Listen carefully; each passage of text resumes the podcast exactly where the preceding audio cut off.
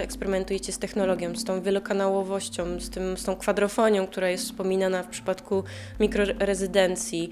Dlaczego to jest dla Was pobudzające? System, który właściwie nie zdobył takiej dużej popularności w, no, w branży audio, przynajmniej w tym obiegu bardziej komercyjnym, a Was on jednak w dalszym ciągu pobudza. No, interesuje nas, nas taka sytuacja, w której mamy wiele emisji tych dźwięków. Jakby nie, jakby odchodzi, znaczy nie dlatego, że, że nie lubimy stereo, tylko jakby poszukujemy co, co, co, jakie wrażenie tak naprawdę i, i w czym skuteczniejsze może być animowanie tego dźwięku na wielu kanałach.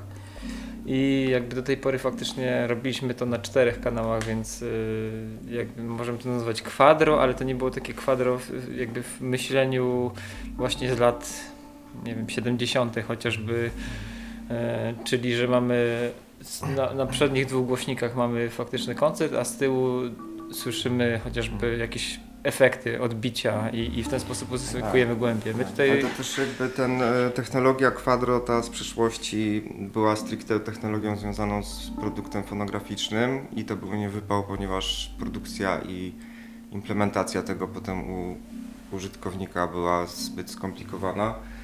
E, natomiast to, to dlaczego my do tego wróciliśmy, wynika bezpośrednio z tego, że dostępna jest aktualnie technologia, to znaczy no, w kontekście cyfrowej rewolucji, tak, mamy, możemy, mamy najtańszego laptopa, z którego możemy spokojnie wysłać 120 śladów audio, no w uproszczeniu, ale zauważyliśmy, że możliwości technologiczne każdy ma, nawet w podstawowym jakimś zestawie, y, którym tworzy muzykę i wystarczy to odpowiednio podpiąć do czterech albo pięciu albo ośmiu głośników i no w przypadku mikrorezydencji właśnie to tak działa, że e, wrzucamy kogoś na, na naszą ramę technologiczną, czyli na przykład na kwadrofonie, teraz akurat na 8 kanałów. I, mm, no i sprawdź, jest to eksperyment. Obserwujemy, jak ktoś się w tym odnajduje, jaki ma na to pomysł lub nie ma, wtedy ewentualnie mu pomagamy albo technologicznie, albo koncepcyjnie. No staramy się z tego stworzyć coś nowego.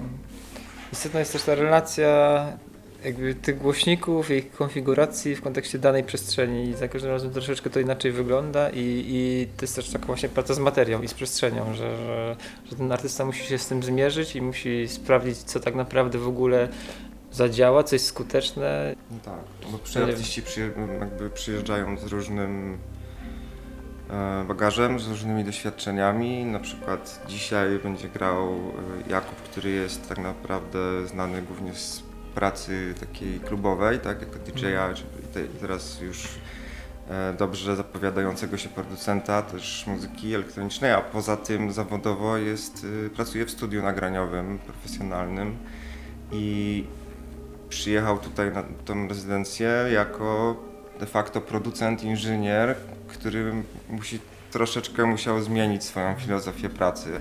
W zależności od tego, jak ktoś pracuje, tak, y, tak taki sposób się adaptuje do takich, do takich sytuacji. I to chyba w tym wszystkim najbardziej nas ciekawi. Mhm. Chciałabym wspólnie z Wami y, wytłumaczyć słuchaczom te przejścia od na przykład monofonicznego systemu stereofonicznego do kwadrofonii, okto, ok, oktofonii i tak dalej, i tak dalej, tej wielokanałowości, bo mm, to przede wszystkim, co Wam daje ta technologia, to rozumiem zwiększenie możliwości oddziaływania na odbiorcę, bo dzięki tej wielokanałowości tworzymy bardziej dokładną, trójwymiarową y, przestrzeń i to daje właśnie ten system. No to musielibyśmy chyba zacząć od tego, że tak naprawdę często pomijana, pomijany fakt jest taki, że to nie głośniki tworzą dźwięk, tylko przestrzeń, w której się znajdujemy, tak naprawdę rezonuje z zawartym w niej powietrzem, a głośniki są tylko narzędziem, które to powietrze wprawiają w ruch. I możemy mieć jeden głośnik, dwa, możemy mieć cztery, dwa z przodu, dwa z tyłu albo w jakiejś innej konfiguracji. I w zależności od tego, jak szybko wibracje docierają do nas z różnych źródeł, tak dokładnie lub realistycznie możemy y, odbierać ten, ten, dźwięk, który rezonuje w pomieszczeniu. ale może nie komplikując, yy, yy, poszerza to na pewno odbiór.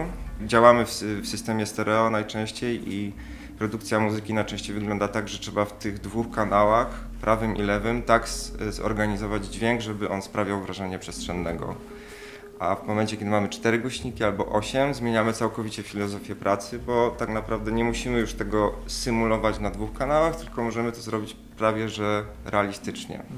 Ale co też jeszcze nas interesuje, to to, że, że takie rozłożenie wielu źródeł dookoła, czy jakby po prostu w przestrzeni jest bardziej naturalne i jest jakby jeżeli się, jesteśmy w jakimkolwiek środowisku dźwiękowym, to ten dźwięk nie, docie, nie dociera do nas zazwyczaj z przodu, tylko zawsze słyszymy z każdego kierunku. I też jakby odnosimy się do czegoś, co właśnie istnieje naturalnie i Kolejna rzecz, która jest w tym istotna, to jest animowanie tego dźwięku, czyli żeby on faktycznie potrafił się przesuwać i żebyśmy słyszeli, że ten dźwięk jest ruchomy. To nie są statyczne jakby, no, jakby uzupełniamy dziury pomiędzy tymi emisjami, żeby, żeby ten dźwięk faktycznie mógł się gdzieś przesunąć, żebyśmy mieli wrażenie, że, że coś gdzieś przeleciało. Czy... No to ile w przypadku kwadrofonii, czy tam nawet z użyciem ośmiu kanałów jest to dosyć prymitywne i, mm. i mm, nieprecyzyjne, jeśli chodzi o animację dźwięku ale e, jak już mówimy o systemach e, takich naprawdę wielokanałowych, które są wykorzystywane choćby w kinach, e,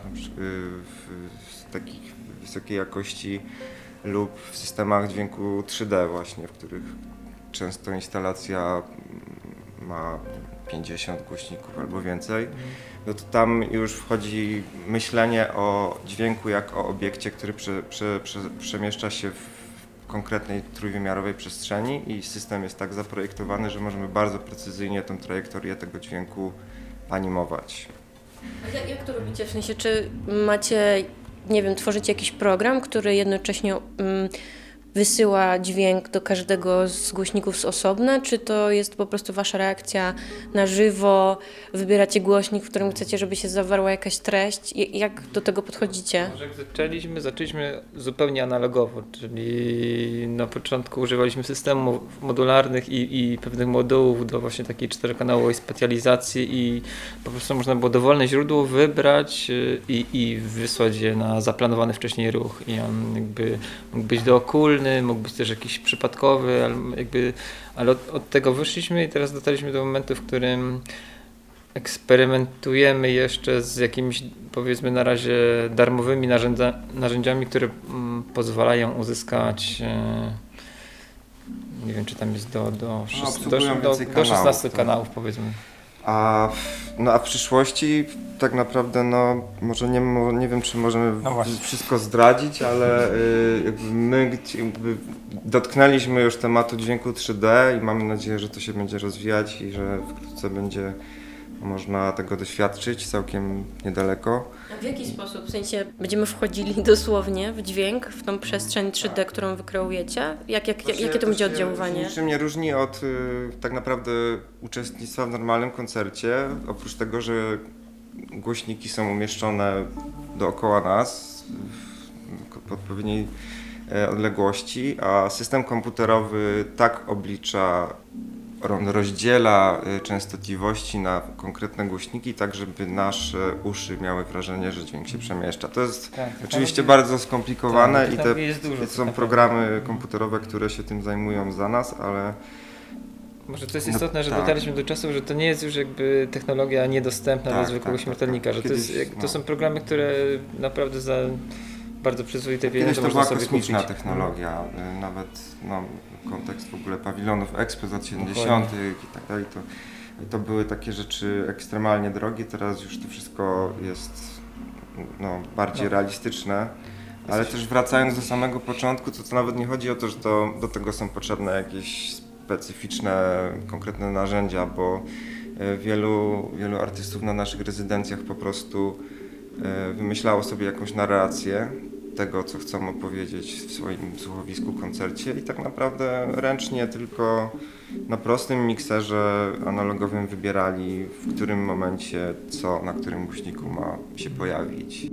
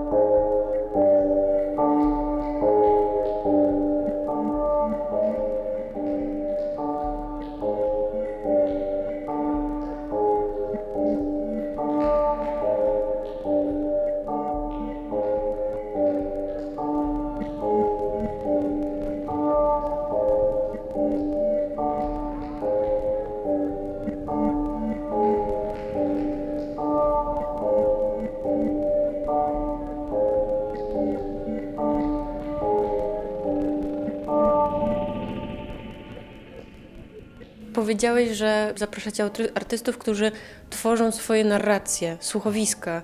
To jest ciekawe, że użyłeś określenia, które jest blisko związane przecież z radiem, słuchowisko, czyli sztuka dźwiękowa, y, przedstawienie dźwiękowe. Nie wiem, jak jeszcze to inaczej opisać, żeby nie, nie nawiązywało to do takiej wizualizacji, ale chodzi mhm. o pewną opowieść budowaną poprzez dźwięk, bo chyba to jest Wam bliższe niżeli taki klasyczny koncert tworzący klasyczne piosenki. Właśnie, jakbyście mogli opowiedzieć, jak do tego podchodzicie. No to jakby w, tak naprawdę zależy nam za każdym razem, żeby tworzyć coś bliżej, może, no, możemy to nazwać słuchowiskiem umownie, jakby, albo, albo coś, co organizuje dźwięk, niekoniecznie jakby w formę muzyki, tylko jakby strukturyzuje go, żeby stworzyć właśnie jakąś taką narrację i opowiada o czymś, wykorzystując właśnie tę wielokanałowość. Adam Frankiewicz przełożył hmm, już nie pamiętam autora. Becketa, prawdopodobnie faktycznie. E, sztukę Becketa na, na taki kwadrafoniczny system i, i no i to, i to jest dla nas istotniejsze niż to. Ale nie czy... miało to nic wspólnego z, z, z czytaniem tekstu, nie, tylko przetworzył tą sztukę na język abstrakcyjnych hmm. dźwięków i to może właściwie też jest, e, wracając też do twojego pytania, to no my nie jesteśmy wykształconymi muzykami i myślę, że trudno by nam było do końca powiedzieć, że zajmujemy się muzyką, bo właściwie chyba po prostu zafascynowały nas y, w którymś momencie elektroniczne y, narzędzia do tworzenia dźwięku i ich możliwości. No a wokół tego y, raz się pojawiła okazja zagrać koncert, a czasami stworzyć udźwiękowienie wystawy, które jest zupełnie niemuzyczne, ale też opowiada jakąś historię. Więc my działamy raczej, powiedzielibyśmy, że działamy w dźwięku, nie w muzyce. I tak. dla nas dźwięk jest medium, które można wykorzystać w różnych kontekstach po prostu. Mhm. A czy te opowieści, narracje, które chcecie przekazywać, czy one są bezpośrednio zawsze związane właśnie z tą przestrzenią, w której przyjdzie Wam występować, czy chcecie opowiedzieć jakąś konkretną historię i ją wtedy sobie wyobrażacie, przykładacie na dźwięk. Jaka jest ta droga? Co, co jest dla Was bardziej istotne? Czy konkretny komunikat, czy raczej atmosfera? To nie, nie jest takie... Mm, to nie jest tak, że mamy jakiś, że tworzymy jakiś scenariusz. Raczej jakby wychodząc z naszego trochę, z naszej pracy z systemami, y, które tak naprawdę my organizujemy, mówimy o syntezatorach modularnych, ale w ogóle też o, raczej tworzymy jakieś, jakieś koncepcje, które później kiełkują w stronę ostatecznej realizacji.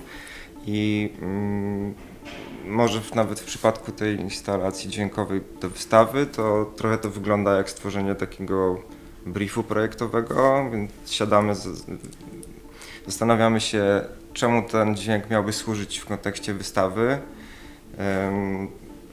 co opowiadają inne elementy wystawy, y, a, a, a czego, i czego ten dźwięk e, w tym momencie już nie powinien dopowiadać, tylko stworzyć jakąś dodatkową narrację i no i ostatecznie dochodzimy do jakichś założeń formalnych, a później y, po prostu improwizujemy i mając te założenia w głowie, i potem sprawdzamy, czy to, co się nagrało, jest zgodne z naszymi założeniami i wybieramy ewentualnie fragmenty, które się nadają. Albo y, grając koncert, tak jak wczoraj, y, zakładamy na przykład, że y, po prostu nie będziemy się komunikować i dawać sobie żadnych sygnałów, ani nie będziemy się synchronizować żadnymi sygnałami synchronizacyjnymi i będziemy musieli jakoś z tego wybrnąć. I, I, wtedy chyba powstaje po prostu jakiś nasz telepatyczny dialog w formie dźwiękowej. Także to no, źródła tych narracji są różne tak naprawdę, ale, ale gdzieś zawsze jest jakiś zamysł. Ale też pytałaś o, o tą przestrzeń, czy się dostosowujemy, to, to myślę, że no jak najbardziej. Myślę, że to, mm, że, że to jest taka właśnie sytuacja, w której bierzemy te to są instrumenty powiedzmy i dopasowujemy je do danej przestrzeni, bo pewne rzeczy są skuteczne, pewne nie, jakby to się dopiero okazuje na miejscu.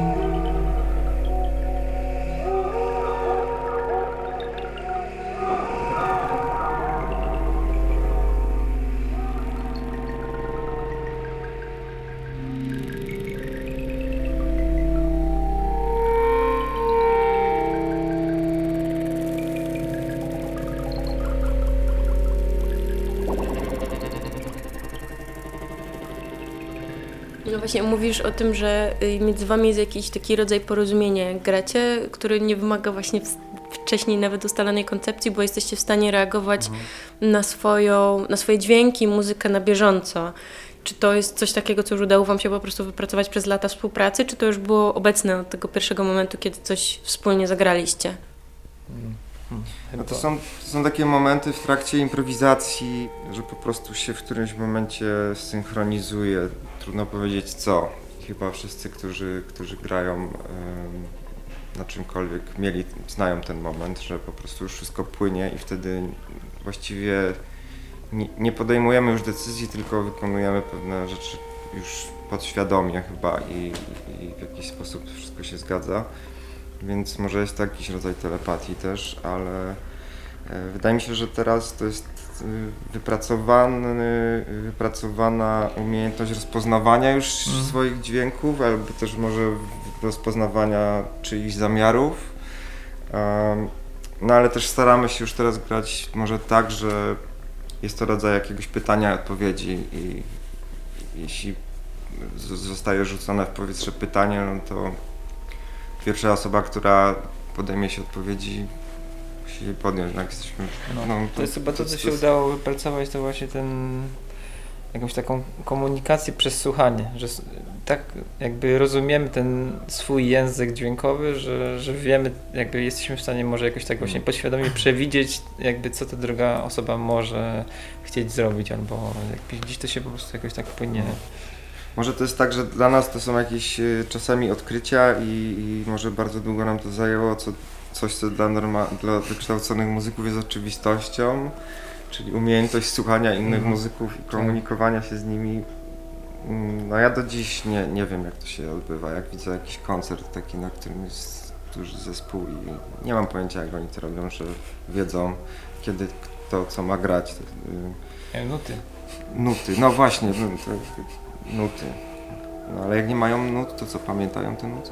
Nie wiem. No, także ja, ja no, dla mnie to jest w dalszym ciągu y, oczywiście z ogromną pokorą do tego podchodzę, ale no chyba jakimiś swoimi metodami musieliśmy do tego dochodzić.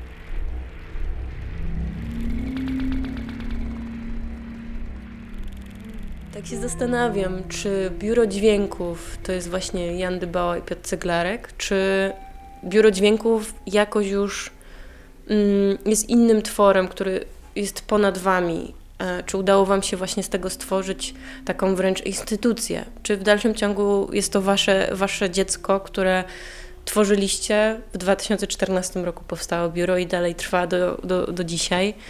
Mm, jak do tego podchodzicie? Biuro nigdy nie miało być autorskim projektem nas dwóch, a właściwie mm, nas trzech, bo, mhm. bo mm, stworzy, założyliśmy je z, z Zuzanną Waltoś, która um, reprezentuje nasz, na, nas ze strony instytucji. Um, ale od początku było stworzone jako platforma, która ma w jakiś sposób zrzeszać um, na początku w sumie może tylko byliśmy nakierowani na artystów, e, tworząc dla nich jakąś przestrzeń, w której mogą się ze sobą skomunikować i no, w którymś momencie stwierdziliśmy, że to już jest taka może bardziej platforma do promowania w ogóle kultury elektronicznej i wszystkim, co się dookoła, dookoła wiąże w jakiś sposób. Um, staramy się realizować rzeczy, których nie da się zrealizować w, w kontekście komercyjnego działania. Na przykład, no wiemy, że na przykład kluby nie zawsze mogą sobie pozwolić na eksperymentalną muzykę, bo to nie jest zawsze muzyka, która na siebie w kontekście prowadzenia działalności gastronomicznej zarobi. Próbujemy jakieś luki wypełniać naszym, naszymi założeniami, naszym programem, jak tylko mamy możliwość. Właśnie I, i zbliżać, zbliżać też artystów i, i odbiorców. Że też nasz, ten nasz program był jakby e, on był totalnie ruchomy. On jakby się dostosował do tego, może jakie, jakie są potrzeby, albo jak też jak funkcjonuje rynek. Jeżeli w Katowicach się pojawiały kluby, które grały klubową muzykę, to my automatycznie jakby zostawialiśmy miejsce, nie robiliśmy takich wydarzeń w, w biurze, tylko zajmowaliśmy się jakby zupełnie czymś innym. Albo może nie zupełnie czymś innym, ale, ale zostawialiśmy ten temat. A jeżeli nie było miejsca, gdzie można było faktycznie doznać jakiejś tam odpowiedniej jakości muzyki elektronicznej albo klubowej, no to też jakby organizowaliśmy takie koncerty, więc chodziło o to, żeby wybić ludzi z takiej strefy komfortu dłubania w domu muzyki albo jakby wypracowania swojego warsztatu i zamknięcia się w nim, tylko jakby, że, że to, jest, to jest jakby tych sposobów jest nieskończona ilość i, i nie ma się co zamykać. Nie mamy manifestu i nie próbowaliśmy go jeszcze nigdy złożyć, ale chyba naszą misją było po prostu e, umieszczenie muzyki elektronicznej w jakichś konkretnych kontekstach, y, bo, bo, bo jest to dosyć termin właściwie niedookreślony i każdy go interpretuje po swojemu, ale no biorąc nawet nasze działania takie plenerowe czy koncertowe, staraliśmy się po prostu umieszczać muzykę elektroniczną w miejscach, w których jeszcze nie była i prezentować ją w taki sposób, w którym ona wchodzi w jakiś, wchodzi w jakiś dialog z przestrzenią i, i uzupełnia ją albo tworzy jakąś nową formę. E, Zaczynaliśmy w sumie też od klub, sceny klubowej, muzyki klubowej w jakimś sensie i e, poznaliśmy tą społeczność. Sami w międzyczasie trochę z, przeszliśmy w stronę bardziej abstrakcyjnego działania z dźwiękiem. Teraz poznajemy nową społeczność, która się bardziej abstrakcyjnie tym zajmuje i aktualnie może taką, takie, taką formę pracy z dźwiękiem chcemy teraz promować, tak? czy, czy pokazywać tutaj, czy, czy w innych kontekstach i tak. No właśnie, czy możecie powiedzieć, podać jakieś przykłady? Bo Piotrek wspomniałeś, że właśnie teraz chcecie skierować się w stronę sztuki dźwięku, która też jest niesamowicie szerokim pojęciem, yy, chyba tak bardzo szerokim jak muzyka elektroniczna. I zastanawiam się, co Was w takim razie w obrębie tej sztuki dźwiękowej yy, ciekawi i, i jakie będą te kierunki eksploracji, które sobie obierzecie. Mhm, to wracając też do tego, o czym mówiliśmy, czyli o, o tym wyjeździe do Dubaju i wystawie Landscape of Leisure, no to jakby to już jest jakaś taka forma, w której realizujemy no bardziej instalację dźwiękową, która, która jakby jej język, język, językiem wypowiedzi jest dźwięk i ona jakby dopowiada, jest jakimś takim mm, komentarzem albo tłem dla wystawy. I jakby to też rozumiemy w kontekście sztuki, że to jest jakby po prostu jakiś kolejny, kolejny język do, do, do opisywania czegoś. Może w którymś momencie nasze, nasze doświadczenia z, ze sztuką, czy tam działaniem Akademii, Akademii Sztuk Pięknych, ale też zawodowe, y, w końcu się splatają te wszystkie ścieżki i em, po prostu nas chyba też dojrzeliśmy do tego, żeby zrozumieć, jak można z dźwiękiem pracować w, w innym kontekście i e, chcemy się w tą stronę rozwijać, czyli może też uczyć i sami realizować prace, w których medium dźwięku jest wykorzystywane jako jedyna forma wypowiedzi.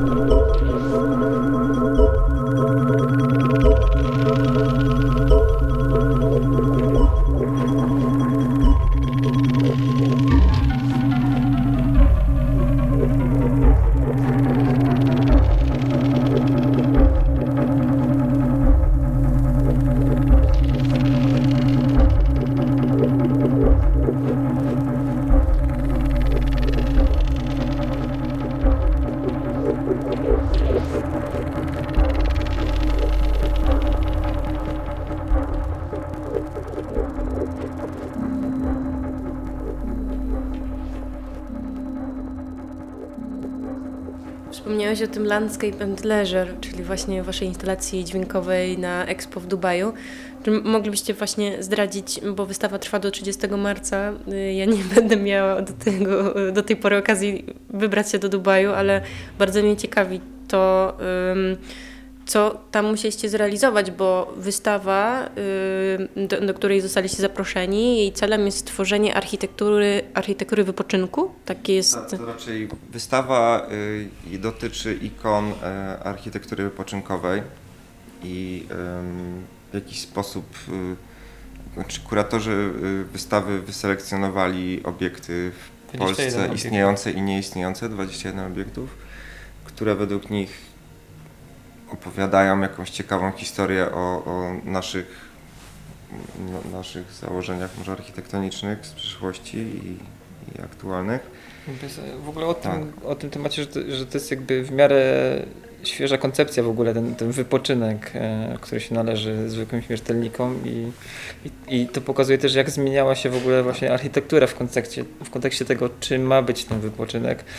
E, I te 21 obiektów w sumie bardzo dziwny sposób to, to obrazuje, ale też pokazuje jakby jak współcześnie, jakie hybrydy powstają i jak czerpią tak naprawdę właśnie z przyszłości i z tych doświadczeń po drodze, które się w architekturze wydarzyły. A nasz dźwięk jest jakby... Hmm, postanowiliśmy przybrać pozycję kuracjusza, który znajduje się w różnych miejscach i co on tak naprawdę doświadcza dźwiękowo, albo też co, jakby co, co może być dla niego działać uspokajająco, jakby to jest taki no, bardzo oniryczne i, i, też zależało nam na tym, żeby to właśnie było wielokanałowe i żeby ten dźwięk też był ruchomy, czyli jeżeli, ktoś, że jeżeli temat y, architektury dotyczy na przykład lasu, no to, to wiadomo, że w lesie prawie wszystkie e, źródła dźwięku są ruchome. Czy to są ptaki, czy, czy gdzieś tam są, czy liście tak, i tak dalej. są też takie stereotypy trochę. No, myślimy o wypoczynku las, dźwięk y, szumiących drzew, morza i tak dalej. I, I chcieliśmy, może próbowaliśmy to jakoś rozwiązać, żeby może nawiązać do tego, tylko uznaliśmy, że nie będziemy używać żadnych nagrań yy, pra, terenowych, y, nie będziemy rejestrować rzeczywistości, tylko y, wykreujemy nasze wyobrażenia na temat tych dźwięków na mhm. syntezatorach, czyli w języku ab, ab, totalnej abstrakcji dźwiękowej. Y, no więc po prostu graliśmy tak, że ok, dzisiaj robimy morze i przez parę godzin robiliśmy, próbowaliśmy na syntezatorach, w procesach różnych takich analogowych wygenerować y, jakieś morze, które nam się wydawało, albo wyobrażaliśmy sobie, że to jest to.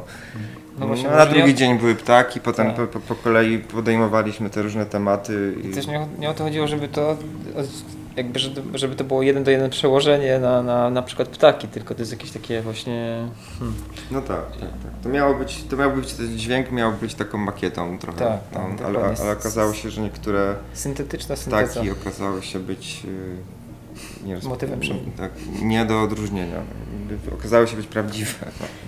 to, to, to, to, prawda, że są prawdziwsze niż prawdziwe ptaki. Przy okazji, no właśnie w takich chyba w takich zagadko, zagadkach problematycznych czasami yy, bardzo dużo się można nauczyć mm. w takim procesie właśnie trochę tworzenia sobie bardziej zabawy, tak, zabawy z tym dźwiękiem, a potem nagle się okazuje, że o, właśnie dzisiaj odkryliśmy bardzo skuteczny sposób na syntezę bardzo realistycznych ptaków. Może nam się to kiedyś przydać, bo, bo Tak. zrobimy cały koncert tylko na ten temat.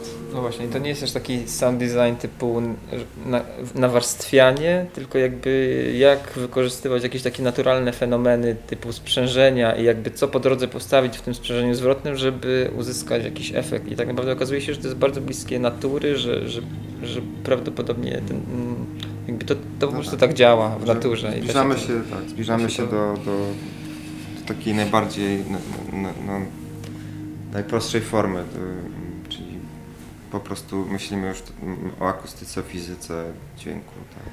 Mm, Naj, najbliższe natury dźwięku i jego charakterystyce, tak? Bo rozumiem, że wasza droga, właśnie tak też próbując ją zrozumieć, polega na tym, że rozpoczynacie swoją drogę od jakiegoś konkretnego dźwięku, w tym przypadku na przykład tego ptaka i nie używacie go, bo tak jak wspomnieliście, nie, nie, nie opieraliście się o nagrania terenowe, tylko opieracie się na swoim własnym wyobrażeniu tego ptaka, starając się go odszukać w tej materii dźwiękowej, więc więc to jest rzeczywiście takie poszukiwanie swojs- tego, co jest swojskie dla danego sprzętu, Tak, w, którym, w tak, obrębie którego gdzieś tam się poruszacie. No to jest, to jest chyba też jakaś zmiana jakościowa, mam na myśli chyba taka, tak jak mówisz, chyba zupełnie inna filozofia, y, która, która, która wymaga poznania, nie? No to jest jakby z dźwiękiem jest tak, że e, nawet jak taki, no można taki eksperyment sobie kiedyś zrobić, ale często jest to w praktyce stosowane, że na przykład udźwiękawia się filmy dźwiękami, które nie są, nie pochodzą z, dokładnie z tej sytuacji, którą widzimy na ekranie, tylko używa się czasami inżynier dźwięku po prostu wie, jaki tam dźwięk powinien być, żeby ten obraz lepiej zadziałał i podkłada się bardzo dziwne dźwięki czasami, które w, ostateczno, w ostateczności razem z filmem i z innymi dźwiękami całkowicie Są, są nawet da, bardziej dają, jakby skuteczniejsze. przekłamują nawet. to i, i uważamy, że to jest absolutnie prawda, tak? Czyli dźwięk ma to do siebie, że potrafi występować w różnych, w różnych kontekstach i, Tak, e, i, i ró- różne role pełnić. No tak, dźwięk blachy może dosłownie być po prostu dźwiękiem blachy, czegoś metalicznego, ale też może być odgłosem burzy, nie? To tak jak mów właśnie, A jak zastosujemy do tego jeszcze jakiś konkretny efekt, no to już zupełnie czymś innym, ale Zdecydowanie.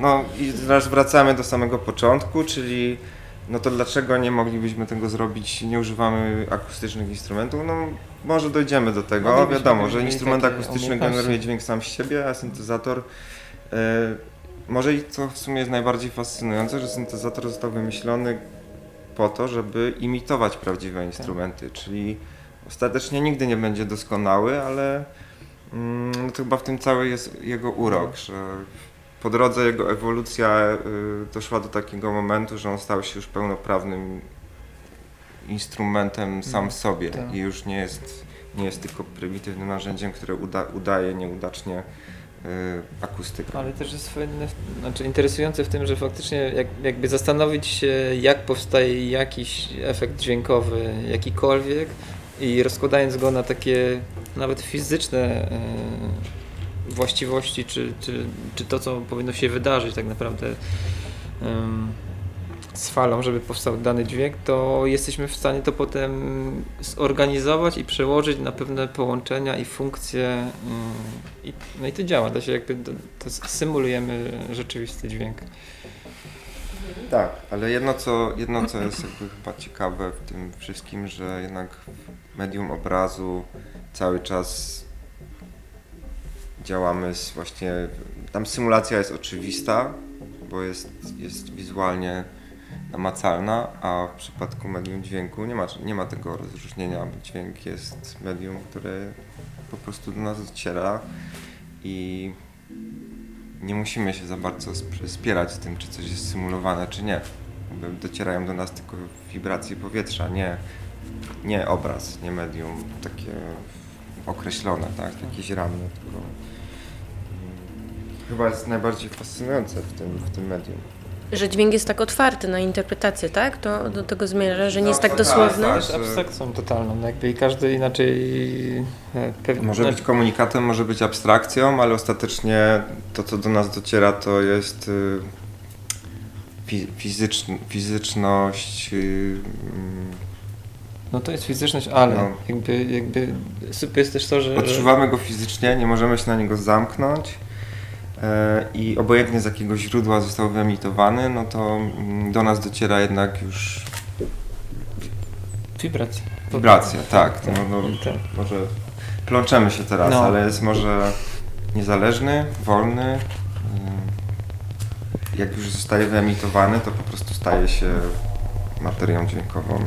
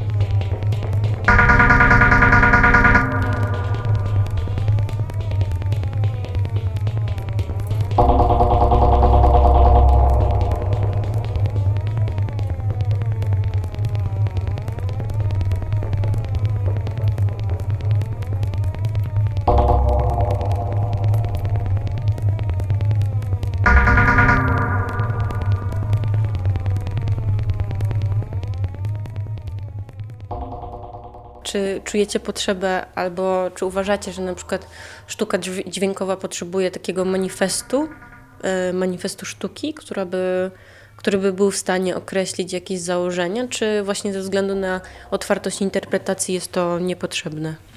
Myślę, że aktualnie mm, sztuka już nie ma żadnego dookreślonego medium i artyści realizują swoje koncepcje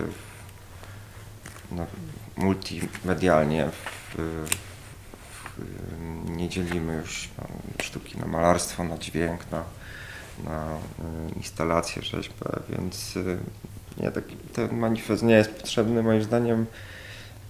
Bo to, to już jest uniwersalny język i, i myślę, że jeśli ktoś podjął decyzję, że chce zrealizować pracę tylko w formie dźwiękowej, no to pytanie tylko, czy uda mu się to zrobić na tyle skutecznie, że odbiorca nie będzie musiał się nad tym już zastanawiać, że Tak. o to chodziło. Te manifesty po drodze się pojawiały, bo, bo jakby te, te obszary po prostu walczyły o swoje o jakąś o swoje obszary, w których mogłyby komunikować. Jakby już jesteśmy na etapie, że to wszystko zostało przepracowane. Oczywiście można by pewne rzeczy redefiniować, ale jakby faktycznie tak jak, jak Jan mówi, że to jakby mamy multum po prostu. Walka, walka o uwalnianie dźwięku, z, rozdzielenie dźwięku i muzyki, uwolnienie dźwięku jako medium Tak. już jest wykonana już w przeszłości i myślę, że już nie trzeba to. Można to tylko powiedzmy nawiązywać do tego i uświadamiać, że naprawdę tak jest, że jest dźwięk i muzyka. Nie mówimy cały czas, to się, te te dwie rzeczy się nie muszą y, To może to misją jedna jest to uświadamianie właśnie, że jest taki podział, że możemy myśleć o, o, o muzyce jako o uporządkowanym dźwięku, a możemy też myśleć o dźwięku o czymś zupełnie jakby w zupełnie innym kontekście i jakby no to można gdzieś tam właśnie szerzyć.